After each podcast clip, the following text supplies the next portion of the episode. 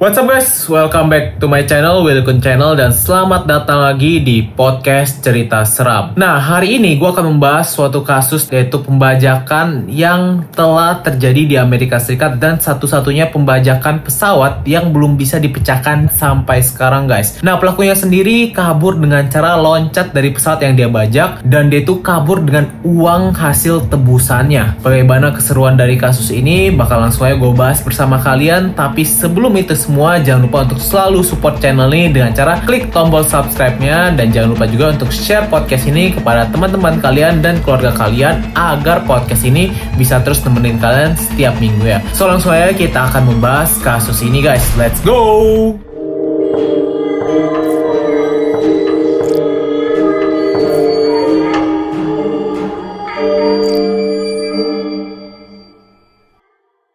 Jadi kasus ini terjadi pada tanggal 24 November 1971. Seorang pria kurus berambut gelap membeli tiket seharga 20 dolar atas nama dan koper di Bandara Udara Internasional Portland, Oregon untuk perjalanan menuju Washington. Pria tersebut diidentifikasi mengenakan jas berwarna gelap, dasi yang dijepit, kacamata hitam, dan berpenampilan sopan.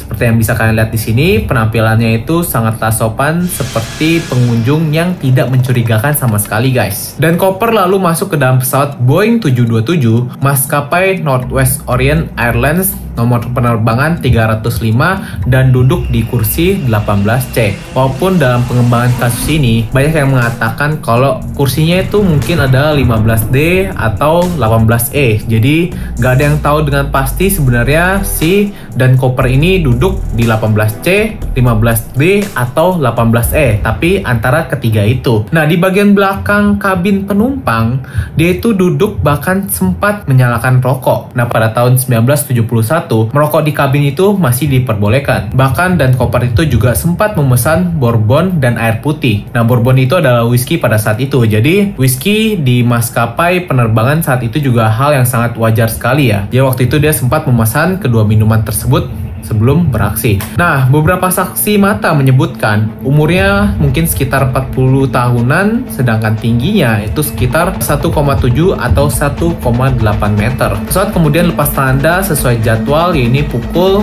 14.50 waktu setempat. Beberapa menit setelah pesawat lepas landas, Cooper memanggil pramugari bernama Florence Kaffner yang sedang duduk di dekatnya dan menyerahkan sebuah catatan kecil yang terlipat. Nah, Schaffner mengira Koper hanya seorang pria iseng yang ingin memberikan nomor teleponnya pada saat itu. Sehingga ia menerima catatan tersebut dan langsung menyimpan di sakunya tanpa melihatnya. Nah, melihat kejadian ini, Koper langsung memanggil pramugari tersebut lagi dan menyuruh untuk memeriksa dari catatan kecil tersebut sambil mengatakan, Lebih baik kamu membuka catatan kecil tersebut karena aku ini membawa bom di tas kantornya. Ya waktu itu si Koper ini membawa sebuah tas kantor yang berisikan bom pada saat itu. Nah, kemudian Schaffner melakukan seperti yang diminta dan kemudian meminta Cooper untuk memperlihatkan tas yang dia bawa pada saat itu. Nah, benar saja apa yang dilihat oleh pramugari tersebut. Isi dari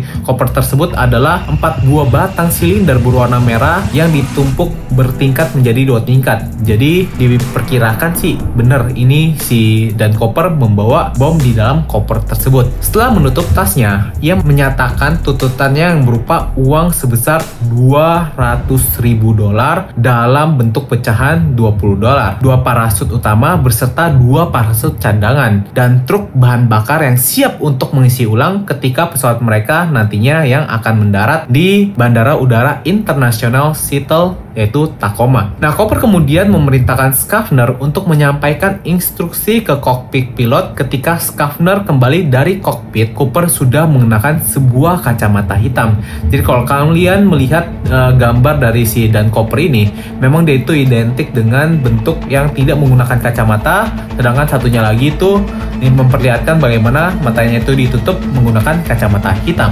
Karena selagi melakukan aksinya ini, Dan Cooper selalu menggunakan kacamata hitam. Nah, pilot William Scott yang menerima permintaan dari Schaffner ini kemudian segera menghubungi pusat kendali udara di Seattle yang kemudian segera meneruskan pesan itu ke polisi, FBI, dan Presiden maskapai Northwest Orient, yaitu Donald Nyerok, segera mengatur pembayaran uang tebusan dan memerintahkan seluruh kru pesawat untuk mengikuti perintah koper sampai permintaannya terpenuhi. Nah, sementara itu, para penumpang lainnya diinformasikan bahwa kedatangan mereka di Seattle akan sedikit tertunda dikarenakan masalah teknis kecil. Jadi pada saat itu, kru tidak mau membuat para penumpang itu panik kan, dan koper juga nggak memerintahkan untuk memberitahukan hal ini kepada penumpang. Jadi saat kejadian penumpang itu nggak tahu kalau pesawat mereka itu sedang dibajak. Pesawat tersebut kemudian terbang memutari daerah Puget Sound selama 2 jam sambil menunggu polisi dan FBI untuk mendapatkan uang tebusan dan parasut dan termasuk menyiapkan pasukan penyelamat darurat pada saat itu. Nah, Schaffner mengatakan bahwa Cooper seperti familiar dengan daerah-daerah lokal. Soalnya ketika mereka terbang di atas daerah mereka itu selama 2 jam, bahkan Cooper pernah mengatakan, Sepertinya kita ini sedang berada di atas Tacoma. Tacoma itu yang tadi gua katakan ya adalah bandara udara di Seattle. Kemudian dia juga bisa menjelaskan bahwa McCord Air Force Base hanya berjarak sekitar 20 menit berkendara dari bandara Seattle Tacoma. Jadi dia itu tahu ada sebuah Air Force Base atau bandara udara untuk pasukan udara yang berada di dekat bandara udara Tacoma itu. Nah, Schaffner mengidentifikasikan kalau Cooper sebagai seorang yang tenang dan sopan, tidak seperti tipikal pelaku kriminal yang berwatak keras terus suka melakukan tindak kekerasan juga. Kemudian salah satu kru yang bernama Tina McClough juga mengatakan hal yang sama. Dia itu tidak gugup katanya kepada petugas penyelidik. Dia terlihat baik, dia tidak berbuat kasar, dia selalu terlihat tenang dan setiap saat dia itu juga selalu memikirkan apa yang dia ucapkan. Dia bahkan sempat memesan bourbon dan air putih lagi dan membayarkan tagihannya. Kemudian dia juga membelikan makanan konsumsi untuk para kru selama pemberhentiannya di Seattle. Pada pukul 17.39, Cooper diberitahukan bahwa permintaannya telah dipenuhi dan pesawat tersebut kemudian mendarat di Bandara Udara Seattle Tacoma pada pukul 17.45. Ketika pesawat mendarat di Bandara Seattle Tacoma, Cooper segera memerintahkan pilot Scott untuk memarkirkan pesawatnya di daerah yang sepi dan kemudian dan Cooper ini juga memerintahkan agar pesawatnya ini dimatiin lampunya. Tujuannya itu agar tidak bisa diperiksa oleh FBI dan menghindari tembakan dari sniper atau penembak gitu. Manajer operasi Northwest Air yaitu Ailey kemudian mendatangi pesawat dengan menggunakan pakaian biasa agar nggak kelihatan kalau dia adalah salah satu pasukan FBI ya nggak kelihatan seperti pasukan FBI. Nah kemudian menyerahkan tas berisi uang tebusan serta parasut kepada kru Tina McClough melalui tangga buritan belakang pesawat. Ketika penyerahan selesai, Cooper mengizinkan untuk melepaskan semua penumpang, Schaffner serta seorang kru bernama Alice Hancock menyisakan empat orang kru bersamanya. Nah setelah itu selama pengisian ulang bahan bakar, Cooper memberikan tujuan penerbangannya selanjutnya kepada kru kokpit yaitu menuju Mexico City dengan kecepatan minimum 100 knot dan ketinggian di bawah 10.000 kaki. Ini cukup aneh nih, karena biasanya pesawat itu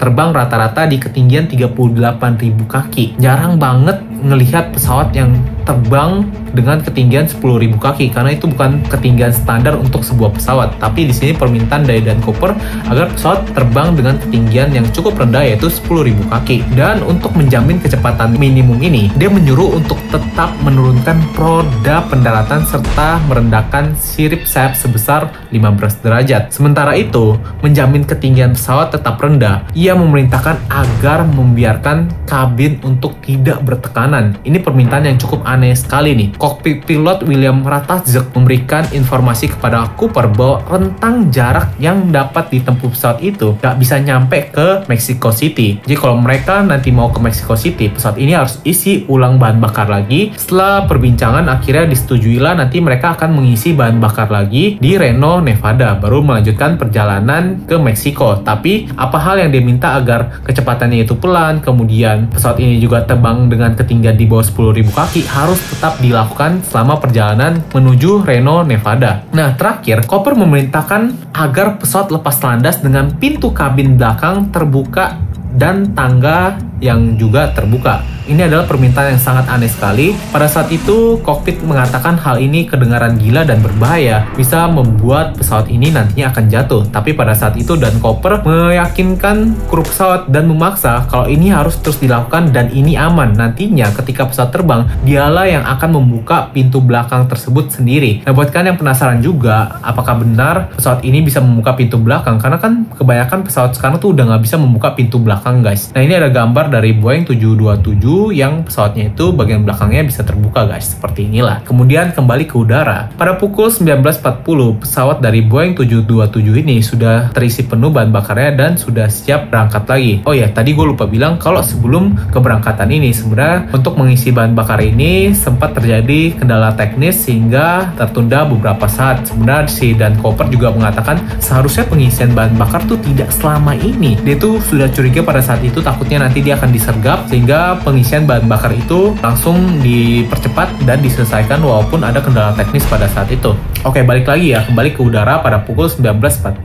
Pesawat Boeing 727 maskapai Northwest Oin kembali lepas landas dengan koper di dalam pesawat bersama pilot William Scott, kokpilot William Ratzak, pramugari Tina Maklo, dan teknisi penerbangan H.E. Anderson. Dua pesawat jet tempur F-106 langsung diperintahkan dari McCord Air Force Base untuk mengawal pesawat tersebut. Jadi ada dua pesawat jet yang mengawal pesawat ini dari atas dan bawah dan pastinya tidak bisa dilihat oleh Dan Cooper dengan kasat mata guys. Tapi menurut gue pribadi ya, ini si Dan Cooper pasti udah memperkirakan karena seperti yang tadi gue katakan kepada kalian, Dan Cooper sempat membahas bandara udara pertahanan pesawat udara ini guys. Jadi dia pasti sudah memperkirakan pesawat ini pasti dibuntuti oleh dua jet tempur di bagian atas dan bawah. Nah kemudian seketika setelah lepas landas, Cooper menyuruh Tina Maklow untuk masuk ke kokpit bersama tiga orang lainnya dan tetap di sana dengan pintu kokpit terkunci. Nah sebelum masuk ke dalam kokpit tersebut, si Tina ini melihat bahwa Cooper sedang mengenakan salah satu parasutnya. Kemudian pada pukul 8 malam, kru kokpit melihat sebuah lampu indikator menyala tanda bahwa pintu buritan belakang sedang berusaha dibuka. Dan sesaat kemudian, kru kokpit menyadari perubahan tekanan yang drastis di kabin menandakan bahwa pintu buritan belakang telah sepenuhnya terbuka. Sekitar pukul 20.13, kru kokpit melaporkan bahwa ada tekanan ke atas secara tiba-tiba pada bagian ekor pesawat Nah, ini membuat kendala penerbangan dari pesawat tersebut terganggu luar biasa sehingga butuh beberapa saat untuk menyesuaikan pesawat ini menjadi bisa terbang normal lagi. Dan barulah pada pukul 22.15 pesawat Boeing 727 tersebut mendarat di Bandara Reno, Nevada, tapi dengan kondisi belakang pintunya ini masih terbuka dan dan koper ini sudah tidak ada lagi di dalam pesawat tersebut. Nah, investigasi mengatakan di dalam pesawat tersebut ditemukan 66 sidik jari tersembunyi yang yang tidak teridentifikasi, klip dasi hitam koper, dan dua dari empat parasut yang ada. Dengan satu parasut yang sudah terbuka dan parasut keduanya dengan potongan pada bagian kanopinya. Saksi mata di Portland Seattle dan Reno semuanya diinvestigasi tapi tidak membuahkan hasil apa-apa. Melanjutan dari kasus ini sebenarnya para FBI juga telah menginterogasi eh, orang-orang yang di sekitar kejadian ini apalagi dua pilot dari pesawat jet tempur tersebut. Karena kan diperkirakan si Dan Cooper ini